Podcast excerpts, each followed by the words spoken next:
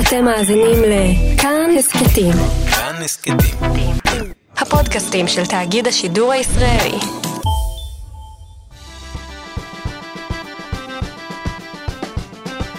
מה שקורה עם שירי לב-ארי.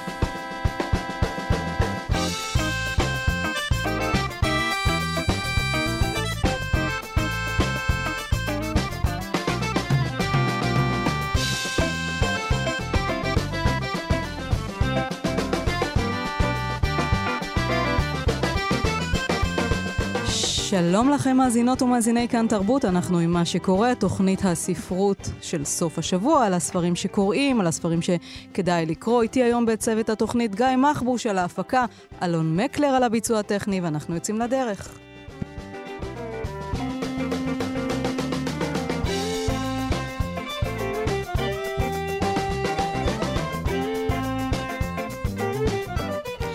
היום בתוכנית אנחנו נדבר עם אייל מגד על ספרו חיים שנעזבו, שמתאר את יחסיו עם אביו, הסופר אהרון מגד. נדבר גם על סדרת ספרי הקומיקס המצליחה לילדים לא רעים בכלל, עכשיו יוצא החלק השלישי בסדרה. נדבר גם על uh, רב המכר האמריקאי המצליח, שירת סרטני הנהר, שכתבה דליה אבנס, שתורגם לעברית לאחרונה, וגם על סרט יהודי חדש על uh, שיימוס היני, שיוקרן בפסטיבל אפוס. נדבר גם על המשורר האירי הנפלא הזה. בינתיים רשימות uh, רבי המכר. ברשימת הסיפורת ביסטימצקי פותח את הרשימה האיטלקית למתחילים של קריסטין הרמל, ואחריו פרפר במחסן של שולמית לפיד, שגם התארחה פה באולפן לא מזמן. ובמקום השלישי, העדויות של מרגרט אטווד, המשך אה, לסיפורה של שפחה. ברשימה של צומת ספרים, שלוש משאלות של ליאן מוריארטי, אחות הסערה של לוסינדה ריילי, אותו ספר בשבעת הספרים בסדרה, וגם חדש ברשימה, ארבע שעות ביום של אה, אוריאן צ'פלין. אנחנו עוברים לתחום ספרי העיון בסטימצקי, לצאת מהמבוך של דוקטור ספנסר ג'ונסון, אותו אחד שחיבר את מי הזיז את הגבינה שלי, וגם אין לנו מושג על סודות היקום שכתבו חורכת שם ודניאל וייטסון. ברשימת ספרי העיון של צומת אפשר למצוא את מוקף באידיוטים של תומאס אריקסון, גם סודות נתניהו של העיתונאי קווי שפרן, ואיך היא צומחת של הרבנית ימימה מזרחי. ועכשיו אנחנו עוברים אל הסופר אייל מגד שנמצא איתי כאן באולפן. שלום אייל. שלום וברכה. באת כל הדרך מחיפה. באתי, כן. כדי לדבר על uh, ספר חדש שלך, חיים שנעזבו, שראה אור לאחרונה בהוצאת uh, ידיעות ספרים, ששם אתה מתאר סיפור של אבא ובן. אביך, הסופר אהרון מגד, שנולד בפולין ב-1920 והגיע לישראל עם המשפחה כשהוא היה בן שש. רעננה, תל אביב, קיבוץ שדות ים הרבה מאוד שנים, ואז בעקבות האישה שהוא אהב עבר לתל אביב, ואתה איתו לאורך השנים. הוא פרסם הרבה רומנים, סיפורים, מחזות, ערך את כתב העת מסע, אדם רב זכויות בעולם הספרות, ואתה כילד קטן זוכר, כך מתחיל הספר שלך, את החודשים הספורים שביליתם רק אתה והוא, לבד, בקיבוץ שדות ים. את החוף בקיסריה, את עצי האשל, והזיכרון הזה מזין אותך כל השנים. שזה בעצם אה, זיכרון, אה, פרה-זיכרון. כמעט זה, מיתי. נכון. זה ממש, אה, הספר הזה הוא באמת אה, מיתולוגיה יותר מהיסטוריה. כי קשה לדעת אם היה או לא היה. יש פה איזה מיסטיקה של קשר בין אב ובנו, שהיא מתחזקת אפילו אחרי מותו של האב, וכל הרכשים שנקלטים על ידי הפעוט שהיה לצידו, אה, איכשהו חוזרים, עוברים באיזה מנהרה של שנים ומגיעים בצורה אחרת עם אה, כתיבת הספר הזה. איך החלטת לכתוב את הספר הזה, שזה היה מין צעד מתבקש מיד אחרי מותו? התחלת לכתוב פרגמנטים. כי הספר כתוב בצורה פרגמנטרית, פרקים קצרים. הספר החליט להיכתב, והוא, אני עכשיו כשאני מעלעל בו, אז אני לא יודע בכלל איך הוא נכתב. אני מנסה לחשוב באופן פיזי איך עברנו, אני ומשפחתי, אה, מירושלים לחיפה, אל הכרמל, משקיפים אה, אל אותה רצועת חוף שמככבת בספר הזה. מככבת ל... בזיכרונות הילדות הראשונים שלך. הראשונים, כן, שמהם אני הולך הלאה והלאה והלאה אל כל החיים של אה, אבי. אז ככה אתה כותב. לקראת הסוף מתבהרת ההתחלה. אף פעם לא אתעייף מנוף של הר וים, אבא וילד. בנוף שעליו מדובר, לא הייתה נשיות נעתרת ומתמסרת, אבל הייתה זוגיות גברית שהתגברה על ההיעדרות. הגבר מילא את החסר, שימש כסירת הצלה בימים הסוערים ההם. כשחזר מהעבודה ולקח אותי מבית הילדים לחדרנו, הדרך הייתה מתארכת, כי תמיד הוא הוביל למקומות מסתור, כדי שנוכל להתבודד. היינו מאמצים עצים וממציאים להם שמות על פי המראה והאופי. ידיים גבריות הניפו אותי מענף לענף עד שהתגלה החוף הפלאי. וכך אתה ממשיך ומספר על הזוגיות הזאת בין אב לילד קטן והאישה הנעדרת, נעדרת בעין, שהיא בעצם האישה הנחשפת תמיד, איך אתה כותב, צריך לסבול ממנה כדי לאהוב אותה. והאימא, כן? עכשיו רק נספר למאזיננו, אולי הם כבר יודעים, אתה בנם של הסופר אהרון מגד ושל הסופרת עידה הצורית. גדלת בבית של uh, כתיבה, אתה בעצמך נשוי לסופרת צרויה שלו, אתם חיים חיים ספרותיים. לא, לא חיים ספרותיים. חיים חיים, חיים של אנשים, כן. אבל כותבים, אבל גם חיי ספרות וגם חיי כתיבה. ואתה בעצם אה, מרגיש לאורך כל השנים את ההיעדרות הזאת, את האישה הנחשפת הזאת שלא נמצאת. כן, העניין של אה, אימא ש... זה בעצם לא, לא ערגה לאימא, אלא לאימהות.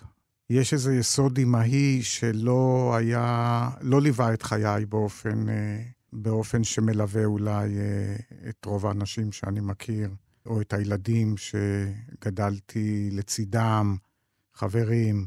הספר הזה הוא ספר על, על באמת זוגיות בין אב ובנו, והאישה שנעדרת היא, אין פה, הגעגועים הם לאותה אינטימיות עם האב, ולא לה, למלא את החסר של, ה, של האם. זה מעניין, כי, כי מסתבר שאותו, או לפי ראות עיניי, השנים האלה, מאז מותו של אבי, שאני כותב את הספר הזה, אגב, הוא מת ב-2016. אז בארבע שנים האלה, אני הרגשתי געגועים לאותה אינטימיות, בלי קשר לזה שהאימא הייתה נעדרת, היא הייתה בעיר באותו זמן. זו תקופה מאוד קצרה, לא... היא רק, כמו במיתולוגיה, הופכת למשהו, לאיזו נוכחות שמעיבה או, או, או מקרינה על כל החיים, משום שיש פה איזה באופן מיתי איזה געגועים לגן העדן הזה של הזוג שהוא אב ובן. זה מעניין, כי בדרך כלל כשמדברים על הגעגועים לגן העדן האבוד, זה געגועים לרחם, לאישה. וכאן אתה מתגעגע אל הזרועות הגבריות של האבא. עכשיו, זה מין אדיפוס הפוך, כן? ואתה מתמסר לרגעים הספורים שהייתם אז יחד בקיבוץ, על חוף הים בקיסריה, עושים את הטיולים אחרי שהוא היה חוזר מעבודה עם הנעלי העבודה הגדולות שלו, והאידיליה הזאת הופסקה באחת, ברגע שאביך החליט לחבור לאמך בתל אביב. ועזבתם את הקיבוץ, עזבתם את, ה, את הנוף האידילי הזה, וגם קיבלת במקביל אב שבור לב. כן, תראי, במילים של אבי עצמו, בסרט שבערוב ימיו נעשה עליו, אז הוא אמר שמאז ה... מאז רק הידרדרתי. הוא אמר את זה אמנם בחיוך, אפשר לראות את זה עם ההומור הדק שלו, אבל אני חושב שזה היו מילים אה, כנות מאוד.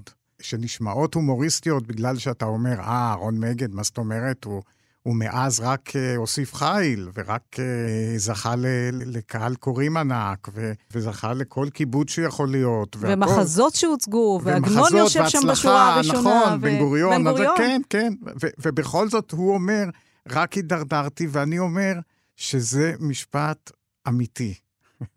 ואני, ואני, כל הספר בעצם מסביר מהו הרקע למשפט הזה. אתה כותב, אני מבכה את חייו יותר מאשר אני מבכה את מותו. נכון, כי אני, אני, אני הרגשתי ביתר שאת אחרי מותו, למרות שזה הדהוד מאוד חזק של רגשות שהיו בקרבי כל הזמן, כל השנים, החל מהיותי ילד, שאלה לא החיים שהוא היה צריך לחיות. אני הרגשתי את זה. עכשיו נתתי לזה ביטוי של uh, יתום קשיש, אבל אני, אני הרגשתי את זה כילד שבעצם ליבו, שנתון בעיקר לאהובתו, שזה אימי, היה, נמצא לא שם. הוא, ה, ה, הלב האמיתי נמצא גם במושבה רעננה, ששם שורשיו, וגם בקיבוץ שהקים שדות ים על שפת הים. אה, זה התאים לו יותר, למרות שכאילו נראה שאולי הקיבוץ היה, לא היה מיטיב איתו כסופר בגלל תנאים כאלה ואחרים. אבל אני חושב שזה לא נכון. אני חושב שמי שאוהב את הכתיבה של אבי, אסור לו להחמיץ את הספר הראשון שלו, רוח ימים, שנכתב כשהוא היה בן 25, בקיבוץ. זה ספר נפלא ומופלא, שהוא הוא איכשהו הסיט אותו הצידה בתוך כל ספריו המפורסמים יותר. אבל אני חושב שזה ספר שמעיד על יכולת נהדרת של, של סופר גדול, שהוא כן היה יכול לצמוח אליו אם הוא לא היה חי בעיר, שהוא היה מנוכר לה מאוד. והוא לא אהב את העיר, ותמיד היה נטע זר בעיר, אאוטסיידר, עם כל זה שהוא היה הכיר תל אביב והכול, זה לא היה, אלה לא היו החיים שהוא רצה לחיות. אתה כותב, העיר הפכה אותו לאנטי גיבור. נכון, ואז הוא גם הפך את גיבוריו לאנטי גיבורים. כי הגיבורים בספר הראשון שלו, שנכתב בקיבוץ, הם היו באמת גיבורים. הם היו חלוצים, והם היו יורדי ים, והיו להם המון קונפליקטים פנימיים וכל זה. זה לא הייתה ספרות פשוטה, או ספרות שמשרתת איזה רעיון, זו הייתה ספרות גדולה, טולסטויאנית במהותה, אבל uh, אחר כך בעיר הוא באמת התחיל לברוא אנטי גיבורים, מהם מאוד מפורסמים, כמו באחי על המת, ו- ובספרים ש- ש- שהיו להם, היו להם המון מעריצים, אבל הוא שינה את אופיים של ספריו על פי השינוי של חייו. עכשיו, אתה מתאר בספר את הנישואים הראשונים שלו לאישה, שהוא עזב אותה למען אמך, האהבה הגדולה שלו, ואת השבר הזה במעבר מהקיבוץ אל העיר, וגם השבר בתוך הנישואים, האישה שככל הנראה לא הייתה נאמנה לו ושברה את ליבו, והוא עשה מאמצי על בשביל להשיג את האהובה שלו בחזרה, לשם ליבו היה נתון. גם בגלל זה הוא קצת שכח את הילד הקטן יאליק, שבמשך אה, כמה עמודים מתאר, כן, האב, אהרון, מתאר את כל הדברים הקטנים שהילד אומר, כן, את הלשון המתפתחת, המתגבשת של הילד הקטן, פתאום הוא נוטש את זה לטובת פרויקט הצלת האהובה והמעבר לעיר. כן, למרות שזה נשמע באמת, את יודעת, זה נשמע מפיך, זה נשמע חוץ ספרותי. מה שיש, מה שיש בספר, אה, אלה, תראי, אני כתבתי את הדברים האלה בחרדת קודש. אני לא כתבתי אותם כרכילות, לא כתבתי אותם כמניין של אירועים. הם כתובים, אגב, באופן פיוטי ויפהפה, והרבה רגעים של שירה יש בטקסט הזה, ונראה לי שהיה לך דחף לכתוב את זה. היית חייב לכתוב את הדברים. נכון, כי אבי, באחד הרעיונות האחרונים שלו, הוא התבקש לברור לו משפט אחד בלבד מכל ספריו, והוא בחר משפט ביום האור של ענת, היא אומרת, את הדברים הכואבים באמת אי אפשר לכתוב. והוא בחר, מכל המשפטים שלו, הוא בחר את המשפט הזה. כלומר, אני הרגשתי איזושהי שליחות שהוא נותן לי לכתוב את הדברים שכאבו באמת ושהוא לא יכול היה לכתוב, ושאני התאמנתי כל חיי דווקא לכתוב אותם. את הכי כואב אתה כותב. את הכי כואב, כן. אני תמיד ניסיתי להגיע לעומק הכאב בספרים שלי, זה הרי לא הספר הראשון שלי, זה יכול להיות זה הספר האחרון, אבל זה, אבל זה ספר, זה ספר שבאמת מנסה להגיד בעיקר את הדברים האלה שלא נכתבו על ידו, שהוא נמנע מלכתוב אותם, בגלל איזה צנזור פנימי שהיה אצלו, או בגלל משהו אחר, שאני לא יודע בדיוק מהו, ושהוא כאילו נתן לי את ה... אני הרגשתי את הרשות לכתוב אותם. בוא נשמע קטע מהספר שאתה קורא. שנה למותו, ומעל המצבה שעל שפת הכינרת, מול הערים הצחיחים שמזכירים אי יווני, אנחנו תוהים אם הוא היה אדם מסוגר ומרוחק גם לפני שהצטברה בו זרות העיר. אם יש דמיון בין אני אחד לשני. אחותו שושנה אומרת, הוא היה אח נהדר, אני זוכרת איך יצאנו יחד לשדה לקטוף ריג'לה לתרנגולות. ואחר כך מצטטת ברכה נלבבת שכתב לה בנעוריה לאיזה יום הולדת. אבל באיזשהו רגע משהו לחד אותו, זה בטוח. כאילו נכנע ונשבע. ונגזר עליו לחיות את חיי הדמויות שבהן אכלס את הסיפורים שלו. זה היה עונש מהזן הסיזיפי, לא רק מפני שגיבוריו היו לרוב אנשים שפופים שהעלילות שלהם מוגבלות, לא מגרות, אלא בעיקר בשל העובדה שוויתר על עצמו למענם. לא הם עלו אליו, אלא הוא ירד אליהם. הם היו עלובים לעומתו, בעלי אישיות רפה בהשוואה אליו, ועצוב לחשוב שהוא נאלץ לחיות את חייהם במקום את חייו. אייל, אתה כותב גם, ככל שהיינו קרובים, כך נשארנו כספר החתום זה לזה. ולכן אולי אתה כותב את הספר. אה, כדי לגלות, אה, לגלות, לא את אבי האמיתי. תראי, אני, אני, בכל זאת, אני גם מזכיר את זה בספר, כותב את זה, שכשהייתי ילד אני הרגשתי שאני מכיר את אבי יותר טוב מרוב החברים שלי שמכירים את, הור, את הוריהם, בזכות הספרים שלו, שיכולתי לפענח בהם את איפה הוא מתחבא, מאחורי איזה גיבור הוא מתחבא. הוא היה נותן לי לקרוא את הספרים כשהם היו עוד בכתב יד, וכתב יד, אני מתכוון פיזית, אז לא היו מחשבים, והוא לא כתב על מכונת כתיבה. הוא כתב בכתב יד מאוד צלול, מאוד ברור, והייתי קורא, כמו שעכשיו כתבתי את הספר בחרדת קודש, הייתי קורא בחרדת קודש את מה שהוא כתב, ושידעתי שאני הקורא הראשון, יחד עם אמי. ואני כן, אני לא יודע למה כתבתי את, ה, את המשפט שאת הקראת, אני כן חשבתי שאני מכיר אותו. אנחנו לא היינו, לא היינו כספר החתום במידה, ב, ב, תראי, כשהוא, אחרי שהוא מת, הוא השאיר עשרות יומנים שהוא כתב. שם כתובים הדברים הכואבים באמת. והוא לא שרף אותם, הוא לא הורה לאף אחד להשמיד אותם. אז הוא קצת אפשר לך, קצת כן, נתן רשות. אני חושב שבכוונת מכוון הוא השאיר את זה לשיקול דעתנו. אבל בשנים שבהן הוא חי, איך היו היחסים שלכם לאורך השנים? כי אתה כותב, עם מותו הוא בעצם נולד בך מחדש. ההתרפקות על האב המת פשוטה יותר מיצירת קשר עם האב החי. זה כן. אז אתה עושה דין וחשבון עם עצמך. על השנים שבהם אולי יכולת להתקרב לאב החי, ואולי קל יותר עכשיו ללכת על היומנים, ודרכם בעצם להחיות אותו. זה לא רק, אותו. היומנים אוששו את מה שאני באמת הרגשתי וחשבתי, ושזו הייתה דעתי עליו מאז ומעולם, כי חשתי אותו מתחת לפני השטח היטב, אני חושב. היומנים רק חיזקו אצלי את ההרגשה הזאת. תראי, אני הרגשתי שהוא הולך איתי כל ארבע שנים האלה שכתבתי את הספר הזה. אולי לא חשבתי מראש שאנחנו עוברים לכרמל כדי להיות קרובים לאותו, נניח, במרכאות, למקום הפשע. אתה מדבר עכשיו על המשפחה שלך, עליך ועל צרויה, כן. ועל המשפחה שעברתם עברנו... מירושלים, אחרי הרבה שנים בירושלים, אל הכרמל. נכון. עם כל, ה... עם כל מה שירושלים עושה לסופר, שהוא לא יכול להימלט מ... השפעה מאוד חזקה של העיר הזאת. אתה גם מתאר שוב את העניין האדיפלי של ההזדהות עם האב, כשם שהוא בא בעקבות האישה לתל אביב, אתה הלכת בעקבות האישה לירושלים. אני לא יודע אם זה אדיפלי, לא אדיפלי. אני יודע שזה, גם כשקראתי את היומנים שלו, הרגשתי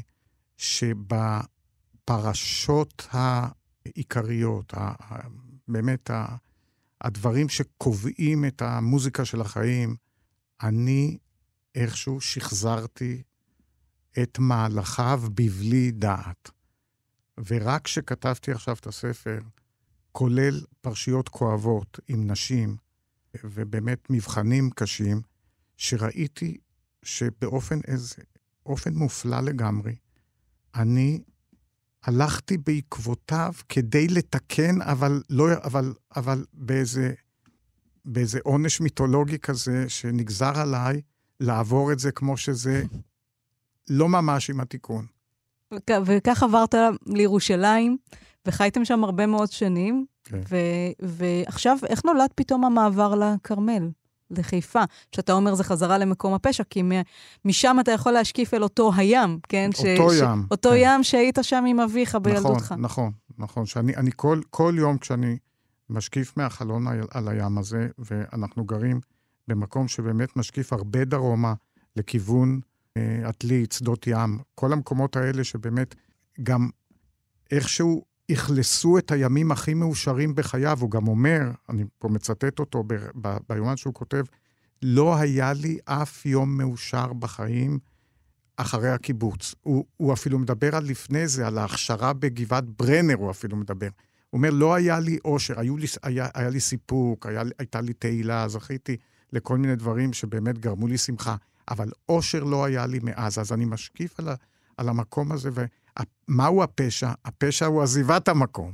אז אתה חוזר. אני, אני חוזר, כן, ו, ו, ובאמת uh, משחזר את, ה, את האושר הזה. אני לא יודע מה אני אעשה אחרי כתיבת הספר.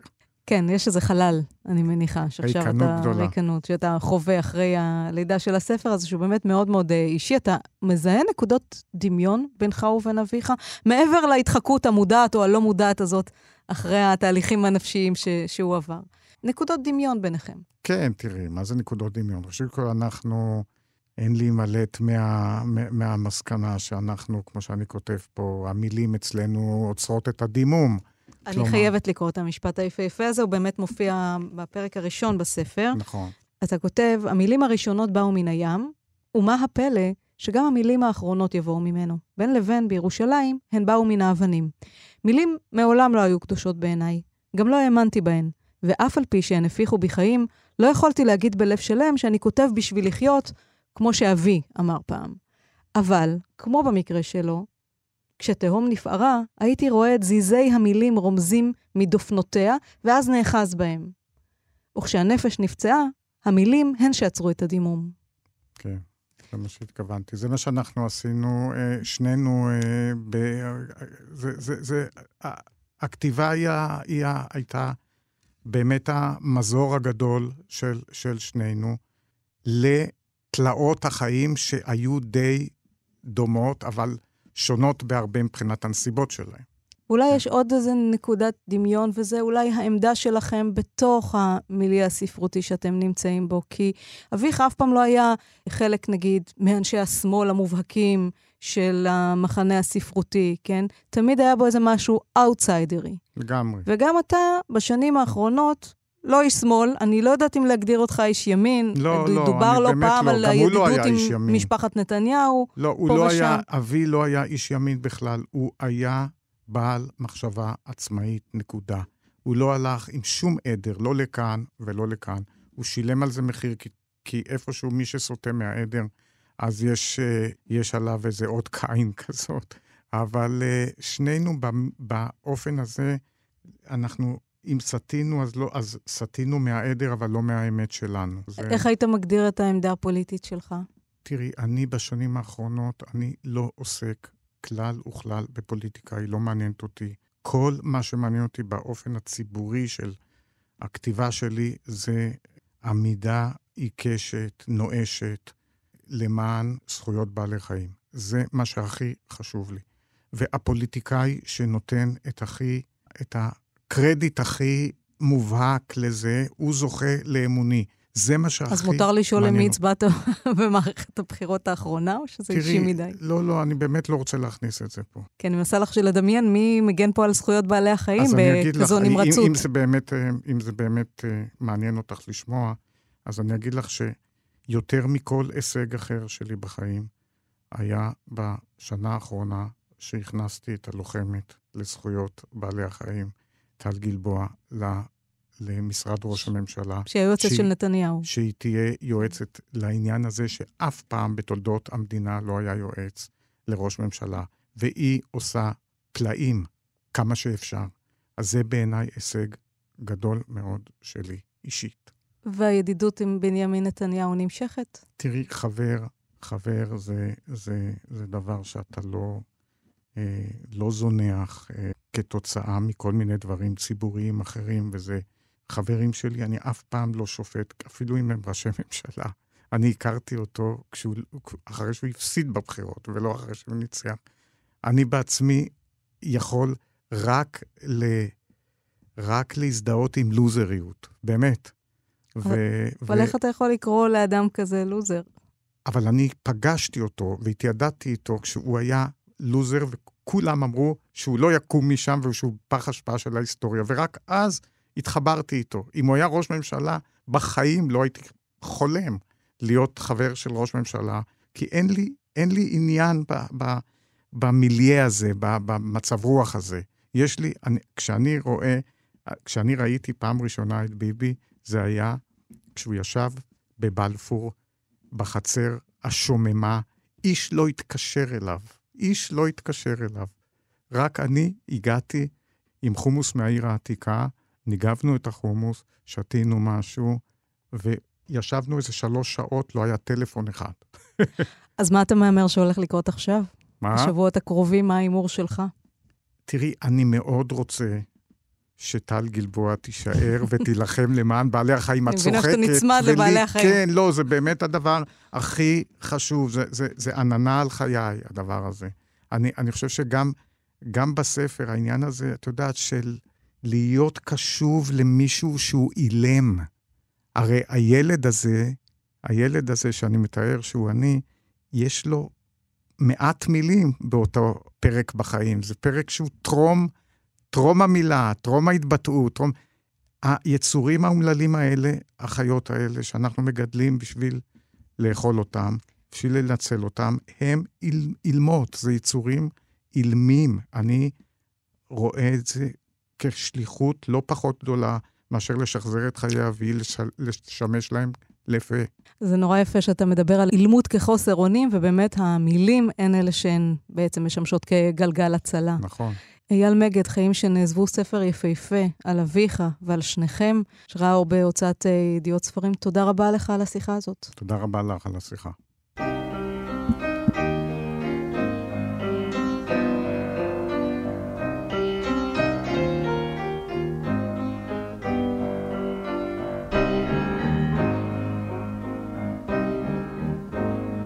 זה קורה שהדרך מתמשכת. זה קורה יש ללכת ללכת.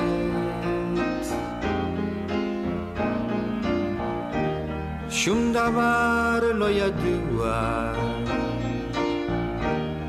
לא שנה, לא שבוע, יש לנוע לנוע, ולחשוב שהייתי יכול לחזור על הכל, אבל בן אדם זה קורה. זה קרה שהדרך התמשכה לי. זה קרה. לא ידעתי איך זה בא לי. שום דבר לא ידוע. לא שנה, לא שבוע. יש לנוע לנוע ולחשוב שהייתי יכול לחזור על הכל אבל בן אדם זה קרה. זה יקרה ואולי בסוף הדרך שנראה הדרך מתמשכת. שום דבר לא ידוע. לא שנה, לא שבוע. יש לנוע לנוע ולחשוב שהייתי יכול לחזור על הכל, אבל בן אדם זה יקרה. זה קורה. ואנחנו קופצים למשהו אחר לגמרי, לסדרת לא רעים בכלל, זו סדרת ספרי קומיקס לילדים. עכשיו רואה החלק השלישי בסדרה, שנקרא נקמתו של כדור הפרווה. כתב אותה אה, הסופר אהרון בלייבי, זה מתורגם לעברית על ידי אה, ארז אה, אשרוב בהוצאת כנרת. אז בעצם זו חבורה של זאב ועוד כמה חיות שנחשבות מאוד מאוד רעות. לזאב פשוט נמאס מהדימוי שלו כרשע, והוא מחליט לגייס עוד שלושה חברים רעים עם גיליון הרשעות מפורט. מפואר, נחש, דג אה, פיראנה וכריש, והוא מנסה לשכנע אותם להקים אה, מועדון של אה, טובים ולעשות כל מיני מעשים טובים ולהציל בעלי חיים אחרים, אבל זה קצת מסתבך בדרך. אנחנו נאמר עכשיו שלום לעורכת ולמומחית בספרות ילדים, תמר הוכשטטר. שלום, תמר. שלום, טוב. קודם כל צריך לציין שהסדרה פשוט נורא נורא מצחיקה. נכון, היא באמת ממש ממש מצחיקה, וזה הפורטה שלה, אני חושבת. לא סתם באמת- אה, מפרגן לדב פילקי, מחבר ספרי קפטן תחתונים ואיש הכלב, שהוא אומר, גם אני צחקתי ממנה. נכון, אני באמת חשבתי לקראת השיחה שלנו שאנחנו במין עידן כזה של אה, כותבים מהעירים אה, קומיקסאים כאלה, כוכבים, שהופכים להיות מין כוכבי ילדים כאלה, כמוהו באמת, כמו דב פילקי שעשה את קפטן תחתונים ואיש הכלב, וכמו ג'ף קיני של יומנו של חנון. ועכשיו מאוסטרליה מגיע אהרון ביילבי, שהוא גם, אה, גם מאייר וכותב בעצמו, ויש משהו בשילוב הזה שהוא כנראה שילוב מנצח, שאתה גם, שאתה אחראי על הכל, שאתה עושה את הכל.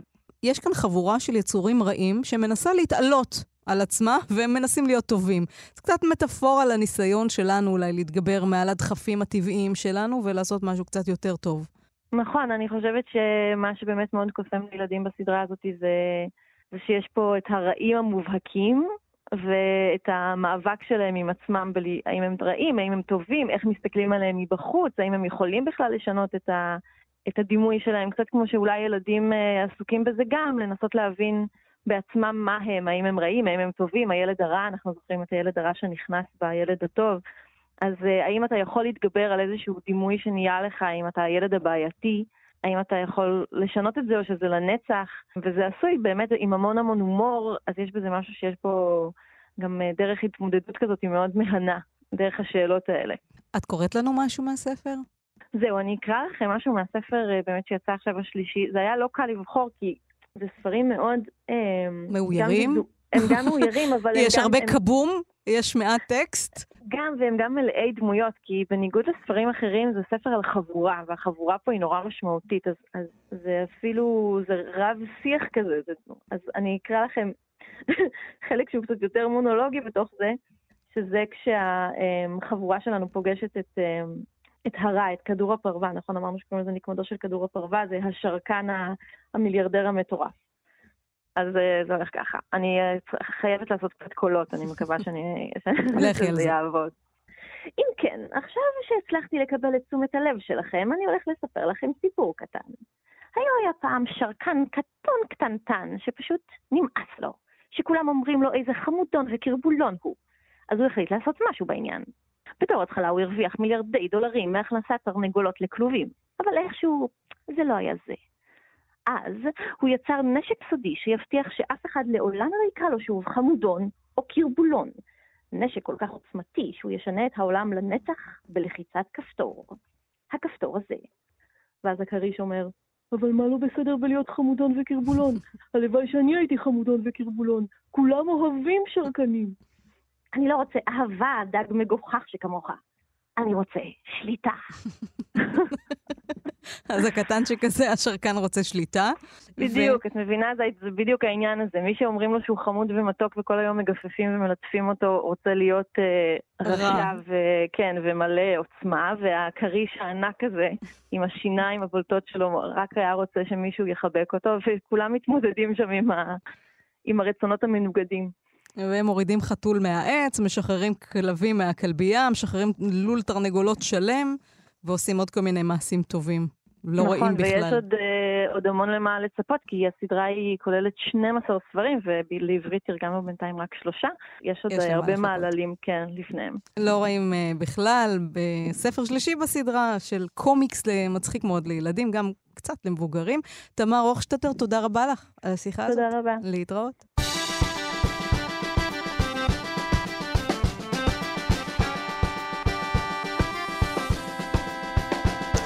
אנחנו עוברים לעוד רב אה, מצליח בארצות הברית, שירת סרטני הנהר, שתורגם ממש לאחרונה בעברית, כתבה אותו דיליה אוונס. הוא נמכר בשנת 2019, היה הספר הנמכר ביותר, ונמצא 60 שבועות ברשימות של הניו יורק טיימס.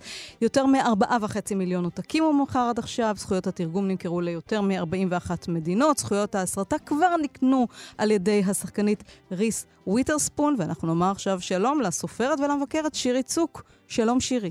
היי. שירת סרטני הנהר, דליה אבן, סופרת לא צעירה, ילידת 1949, שבילתה הרבה מאוד שנים במדבריות בכל מיני אה, מקומות, את רוב חייה העבירה רחוק מבני האדם, והיא מספרת פה איזה סיפור קצת אגדתי על ילדת ביצות. עוד יותר מזה, זה פשוט ספר שכל כך הרבה מה להגיד עליו, שכל המילים מתבלבלות לי. Uh, המציאות פה עולה על כל דמיון. הסופרת ובעלה הם בעצם חוקרי טבע. ושניהם עברו לאפריקה בשנות ה-70 וחקרו שם אה, צבועים ואריות, ואז באזור שנת 1995 הם היו אה, בזמביה, והיה שם אה, ציד בלתי חוקי של טילים, ובכל מיני ארצות באפריקה ספציפית, לא בזמביה, אבל בארצות אחרות, היה מותר להרוג ציידים לא חוקיים של פילים. זאת אומרת, ממש לראות ולהרוג אם אתה רואה איזשהו צייד לא חוקי. ואז צילמו עליהם איזה סרט דוקומנטרי, ובעלה והבן החורג שלה הואשמו שהם הרגו צייד בלתי חוקי.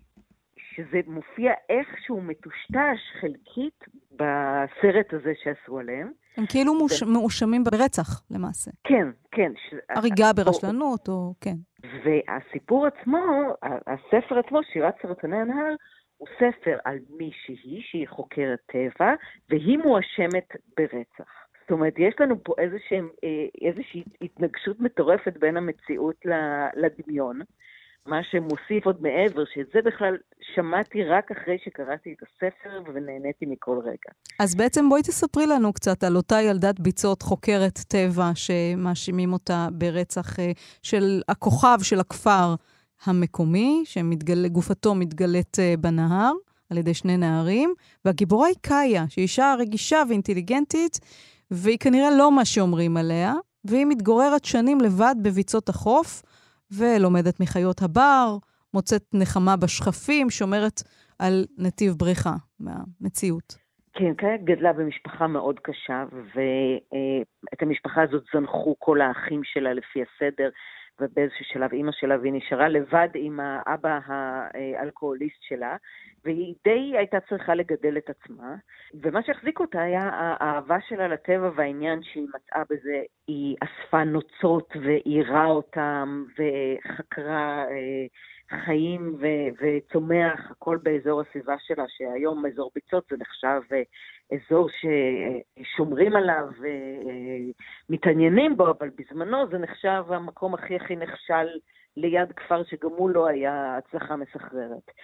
אה, אז היא בעצם גידלה את עצמה והייתה כמה שאפשר יותר בטבע, וגם היה לה איזשהו קשר עם נער מקומי בשם טייט, שבין השאר הוא גם מלמד אותה לקרוא, אבל יש שם גם סוג של סיפור אהבה. ובעצם היא כאילו משכה את עצמה מהביצה בשיער והצליחה להוציא את עצמה משם. אה, והיא צריכה, היא כתבה ספרים אה, ואירה ספרים על כל החיים שהיא מצאה שם בביצה, אבל אה, זה היה בשנות החמישים. עכשיו הגענו להווה כביכול, שהוא מתרחש בשנות ה-70, שמוצאים גופה של כוכב מקומי בשם צ'ייס אנדרוס. והיא נחשדת בהריגה שלו, וכמובן שכל האנשים בכפר הם מעריצים את צ'ייס אנדרוס, וקאיה היא ילדת פיצות ווייט uh, טראש בשבילם, uh, אז הם כולם בעצם כמעט uh, נגדה, uh, והיא, אין, אנחנו לא ממש מוצאים סיבה למה, זאת אומרת, היה לה מערכת יחסים איתו, uh, אבל זה יותר נראה כאילו הכפר עושה לה לינץ' קטן על... Uh, פשוט על עצם קיומה, על זה שהיא העזה לצאת מהמקום שלה. אז, אה, אז יש לנו שני סיפורים מקבילים, שאחד מהם הוא אה, מאוד מותח, הוא לא מותחן, אבל הוא מאוד מותח, אה, והשני הוא מין סוג של סיפור התבגרות כזה, עם תיאורי טבע מדהימים, ושניהם ביחד יוצרים משהו שהוא אפילו גדול מסכום חלקיו, מין יצור כלאיים מדהים שהוא גם רומן וגם מתח וגם סיפור חניכה. אז זה מה שכבש את ליבותיהם של הקוראים ברחבי העולם. אה, אני מניחה... השילוב הזה של המתח וסיפור ההתבגרות. אם נהיה קצת ציניים, יכול להיות שזה מה שכבש את אה, אה, ליבה של ריס וויטרספון, שהמליצה על זה במועדון הקריאה שלה, ואז אנשים התחילו לקנות ולהבין. אבל זה אכן, יש פה משהו באמת אה, מאוד יוצא דופן, ומה שאותי הפתיע, אה, יש תיאורי טבע, אה, והתיאורי טבע האלה הם תיאורים ש... קשה לדלג עליהם. בתור בן אדם שהרבה פעמים מדלג על תיאורי טבע, יש, אני יכולה לקרוא כמה שורות? כן, בבקשה. השמש, עדיין מבוישת ונכנעת לחורף, הציצה פה ושם בין ימים של רוח קשה וגשם אכזרי. ואז, אחר הצהריים אחד, כמו משום מקום, האביב נדחק והיה לעובדה. אני חושבת שזה, שזה מקסים. מקסים, כן. האביב נדחק והיה לעובדה. כן, וגם יש שירים קטנים שמפוזרים בספר, זאת אומרת, הוא גם אה, מאוד פיוטי במובנים מסוימים. אה, ככה שבאמת זה אה, מסוג הספרים שלדעתי אה, כבר נחלו וגם בארץ הם נכשלו הצלחה ובצדק. שירת סרטני הנער של דליה אבנס. שירי צוק, תודה רבה לך. תודה. להתראות.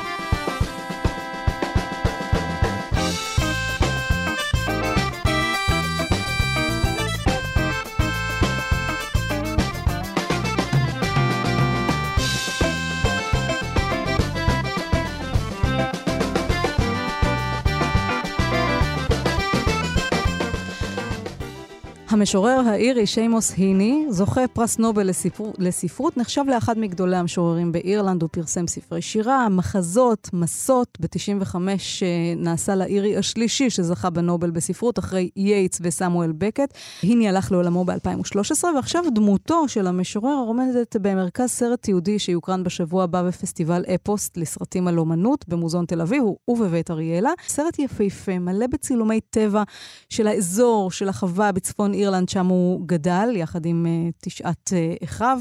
היני נולד ב-1939 בחווה במוסבאון שבצפון אירלנד, והוא היה הבכור, כאמור, מבין תשעה ילדים. משפחתו השתייכה למיעוט הקתולי. באזור. אנחנו נאמר עכשיו שלום למשורר, הדוקטור אריאל זינדר. שלום, אריאל. שלום, שלום. אתה ביחד עם uh, ליאור שטרנברג תרגמתם לפני כמה שנים מבחר שירים ורשימות של שמוס היני לעברית, הפסקת אש, כך נקרא הספר, ואתה מאוד אוהב את השירה שלו. נכון מאוד, גם לפני שידעתי שאני אתרגם אותה, אני נהניתי מאוד מאוד לקרוא אותו, uh, ובעיקר למדתי ממנו, גם בענייני שירה וגם בענייני uh, חיים באזורי סכסוך. אז זהו, זה, את השירה שלו הוא באמת מתחיל בכתיבה על הטבע, על הנוף, על האדמה, על האדם, ואחר כך בספר השלישי שלו, הוא כבר כותב באמת על הסכסוך, והוא חי בתודעת מיעוט, כבן למשפחה קתולית בצפון אירלנד. כן, אם כי, זאת אומרת, זה, זה, זה סיפור מורכב ומעניין, כי כן, הוא שייך למיעוט הקתולי בצפון אירלנד. אזור שבעיקר מסוף שנות ה-60, מהלך שנות ה-70, ידע באמת תקופה איומה של, של מאבקים וסכסוכים ודיכוי צבאי על ידי הצבא הבריטי ועוד. אבל להגדיר אותו כקולו של המיעוט זה, זה, זה, לא, זה לא בדיוק כי הוא לא אף פעם לא, לח, לא לקח צד בעצם, הוא, הוא גם עבר בשלב הוא, מסוים הוא, לדבלין, הוא, מאזור בלפאסט לדבלין, וכן גם נהנה מהתרבות הבריטית, הוא לא יצא נגד שום צד. כן, אז הוא, הוא, הוא השתדל מאוד, הוא גם, אפשר להבין את זה מהשירים עצמם, אבל גם מהרבה מאוד דברים שהוא כתב, ומהנאום היפהפה שהוא נשא כשהוא זכה בפרס נובל, יותר חשוב היה לו לנסות להיות בעד ולנסות להבין. זאת אומרת, הוא בהחלט היה בעד חב למיעוט, אבל הוא, השתדל להיות בעד רבים אחרים, עד כדי כך שיש שירים שבהם הוא אפילו מנסה להבין ולהביע אמפתיה מסוימת לחיילים הבריטים שהוא רואה אותם במשאיות, נוסעים מפה לשם, במקום שהוא רחוק מהבית שלהם ועוד ועוד. אז ככה שחלק חלק גדול מהאתגר האומנותי וההומניסטי, אם אפשר לומר, שלו, היה לאפשר בשירה שלו למורכבות להתקיים, לבוא לידי ביטוי, אולי אפילו לסמן לה איזה מין נתיבים מסוימים של גאולה או של חסד, ולא רק לצאת נגד. אולי תקרא לנו משהו משלו. כן, בשמחה. אז, אז הזכרת באמת שבעיקר הספר הראשון שלו הוא ספר שבו הוא עוסק באזורים שבהם הוא גדל, לא רק באזורים, אלא בתרבות, בקרבה הזו לאדמה, ובין השאר הוא נותן דין וחשבון נוקב למדי על העובדה שהוא לא ממשיך את דרכו של אביו. אביו היה חקלאי וסוחר בקר, והוא לעומת זאת הולך לכיוון אחר לגמרי. אה, הוא מספר בסרט גם שכשהוא נכנס לקולג' ההורים שלו הסתובבו שם נבוכים מאוד, כי הם מעולם לא ביקרו במקום כזה. הוא גדל במשפחה מאוד ענייה, קתולית, מרובת ילדים, כפרית, נכון והוא מאוד. קיבל מלגת לימודים. כן, כן. ומשם והוא- נסלל, נסללה הדרך שלו אל הלימודים באוניברסיטה, אל הכתיבה, אל הקריאה. נכון מאוד. ומה שהוא מנסה לעשות זה בעצם גם להישאר קרוב לאדמה, ויחד עם זאת להביא אותה לתוך המדיום הפואטי. אז, אה, אז ש- השיר שנקרא נקרא בעקבות, וזה שיר שמתחיל בהתפעלות אדירה מהאומנות של אבא שלו כשהוא חורש בשדות, אבל ברגע האחרון בשיר הוא גם נותן דין וחשבון לעצמו על העובדה ש... שהוא הלך לכיוון אחר. אז אני אקרא, זה נקרא בעקבות. אבי עבד עם מחרשת סוסים, כתפיו התעגלו כמו מפרש מתוח, בין היצול לתלמים הנחרשים. הסוסים נענו לצקצוקו השטוח. מומחה. הוא חיבר את הלהב הבוהק והניח את הכנף במקומה, האדמה נטטה, בלי להיסדק. בקצה החלקה, עם נגיעה קלה במושכות, היה הצוות המיוזע, סב על צירו ושב לתלמים. עינו מדדה את התלם הבא במבט זוויתי, בדייקנות. מגפיו מסמרו עבורי נתיבים. בידיתי, נפלתי לעתים על העשב. כשרכבתי על גבו היינו יורדים ועולים בקצב רגלו המהדסת. רציתי להתבגר ולחרוש, לעצום עין אחת, להקשיח את הזרוע. כל שעשיתי היה להתחקות ברחבי החווה אחר צילו הגבוה. הייתי מטרד, מועד, נופל, מיילל תכופות.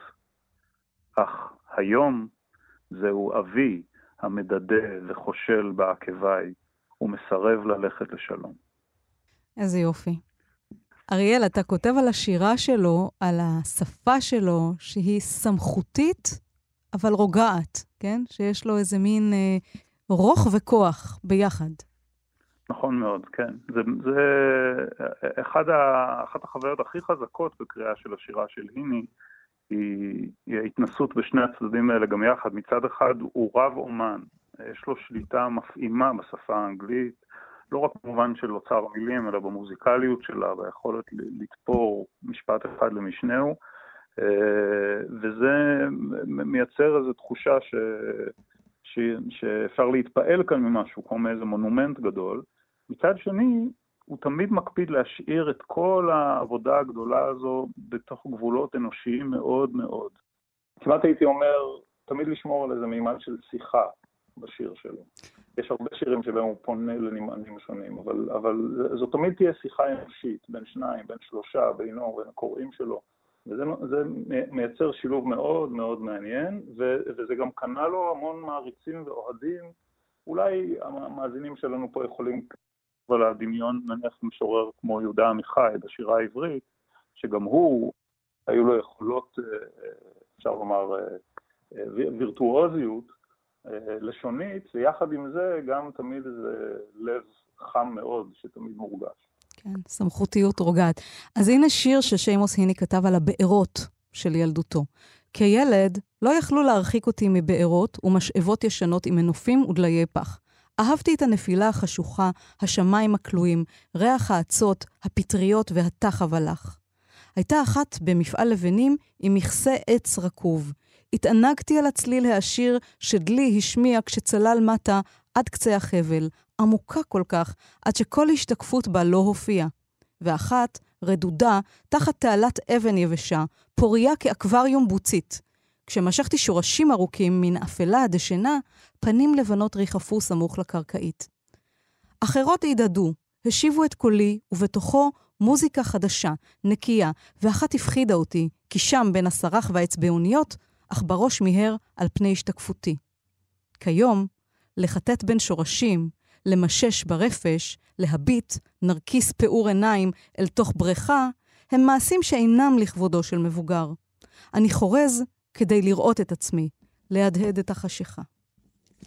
ואריאל, גם אחד הדברים היפים שהוא אומר uh, בסרט זה המוזיקה, שואלים אותו מה המוזיקה הכי יפה שאתה מכיר, אז הוא אמר, המוזיקה הכי יפה שאני מכיר היא המוזיקה של מה שמתרחש עכשיו. נכון, נכון. זה השיר שקראת הוא בתרגום היפה מאוד של, של ליאור שטרנברג, וגם הוא מספר יחסית מוקדם, ובאמת יש פה את אותו שילוב בין הקרבה לאדמה ובין המעבר בכל זאת לרפובליקה הספרותית. שיימוס היני, סרט על אודותיו בפסטיבל אפוס בשבוע הבא בתל אביב, במוזיאון ובבית אריאלה. המשורר, הדוקטור אריאל זינדר, תודה רבה לך על השיחה הזאת. תודה רבה, להתראות. להתראות.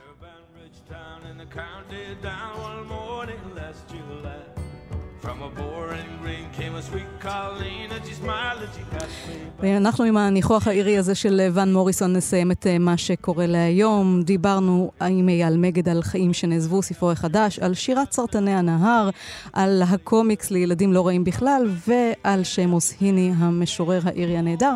זה הזמן להודות לגיא מחבוש על ההפקה, לאלון מקלר על הביצוע הטכני כאן באולפן, שירי לב-ארי. תודה לכם על ההאזנה. שבת שלום.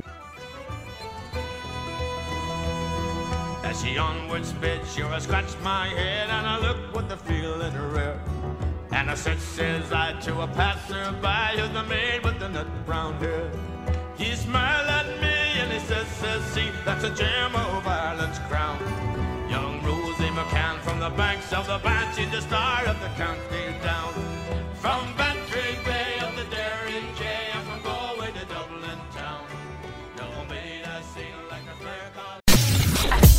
אתם מאזינים לכאן הסכתים.